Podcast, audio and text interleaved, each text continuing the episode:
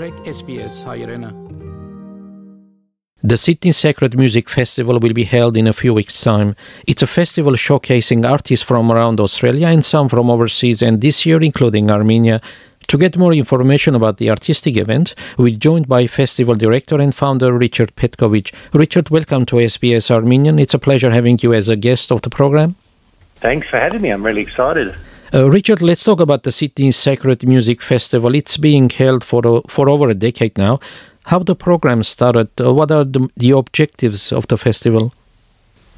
Well, basically, at the time, I wanted to create a, a vehicle for multiculturalism, something that was positive, showcasing what I call the hidden treasures from our communities. Um, I always found that, you know, always been a lot of negativity about multiculturalism in Australia, but to me, it's such a beautiful resource and a wonderful asset for our country. And I just wanted to create a festival that showcased the beautiful hidden gems we have in our communities. Richard, usually the festival is held in Sydney only, or some events were held also in other states. I'm talking about before the lockdowns. No, it was always held in Sydney, um, but it wasn't until lockdowns in uh, COVID hit us in 2020 that we decided to do something online to uh, because it was our 10th anniversary, we had so many brand new things sorted. It had Tibetan monks coming from India. I had, you know, five different new interfaith works that crossed cultures and showcased these wonderful musicians we have around here. And that all got washed away by COVID. And then after I picked myself up off the floor, I said, well, how can I do something that's new and interesting? And what I came to is I wanted to connect. I wanted to connect with other like-minded uh, organisations and artists around Australia. I thought it was a great thing to do, and that's what COVID, the opportunity that COVID presented last year, and we've continued it on. Uh, so, um, how do you select talents? Do they approach you, or you research to listen, you know, to their music, and you approach them? Uh, it's pretty. It's pretty organic, really. Um, in Sydney, obviously, I've been here a long time in the music industry, so I know a lot of people. And a lot of times, I just, you know, have an idea that I'd like to explore with different people and we head out on a certain path to try and create something. Like last year, we created a work called Dance Number 19, which was in response to the COVID 19 outbreak at that time and how when you'd go to your shopping centre, you'd have to dance around people. So, and then I just put a interesting group of musicians together and we created work around it. So it was just simply inspiration at that time. And then um, for the online thing was about going out to the people in you know, organisations in other parts of Australia saying, "Well, you tell me who's interesting in your area, and let's uh, let's showcase what you've got." Mm. And how will the online version of festival work this year?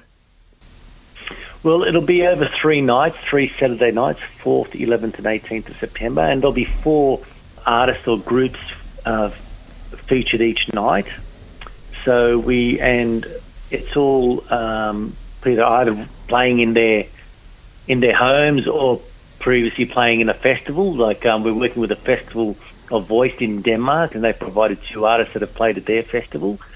So it's just um, like I said, four artists per night from way lots of different things, from Jamaican reggae to uh, as you will talk about Armenian liturgical music mixed with improvised jazz to Aboriginal folk music um, to a wonderful Tibetan art, artist called Tenzin Choegyal, who's a Grammy nominated artist.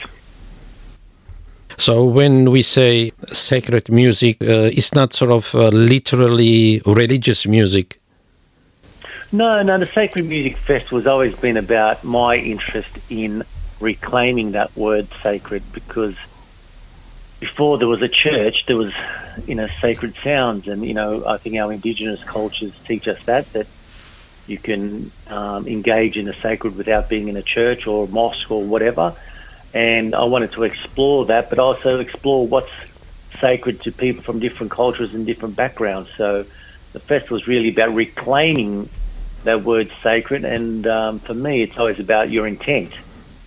If you intend, your intentions are positive and meaningful, uh, you can you have a chance of creating something that's sacred. So I wanted to explore that basically, and then also we go a bit wider and say, well, you know, this is sacred music and this is world music, and let's mix all of it around a bit.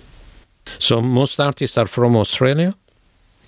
Yeah, they're all from Australia based. Besides a, a few from Armenia, uh, they're all you know either either in you know one of the states, like with the Tibetan arts, artists, it's in Brisbane.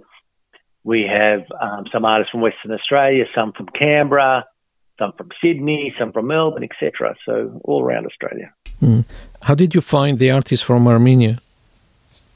One of my colleagues in um, the Mitchell Conservatorium in Bathurst, I was I'm always interested to see what's happening in the regions, and uh, Graham Sattler said, "Hey, I've got this project I'm working with the Nexus Centre for the Arts in Armenia, who really are into working with community to create new music or showcase cultural music, and as I as am I, and so he said, "Hey, would you be interested to showcase this project we're doing?" I said, "Let's do it. Let's give this. Let's uh, let the Sacred Music Festival be a chance for you guys to get your show on the road, so to speak, because." Um, they were thinking of Graham was going to travel to Armenia, but that was unable to happen. So we made it happen by the power of the internet, which is great. Uh, Richard, thank you for your time and the information. I wish you success with the festival. Thank you so much. Thanks for the opportunity and hi to all the Armenian community out there in Australia.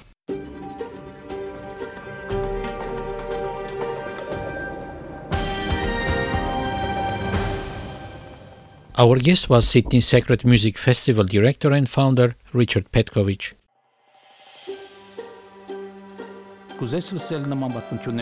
Կընտրե Apple Podcast-ի, Google Podcast-ի, Spotify-ի վրա, կամ որտեղեն որ podcast-ը կլսես։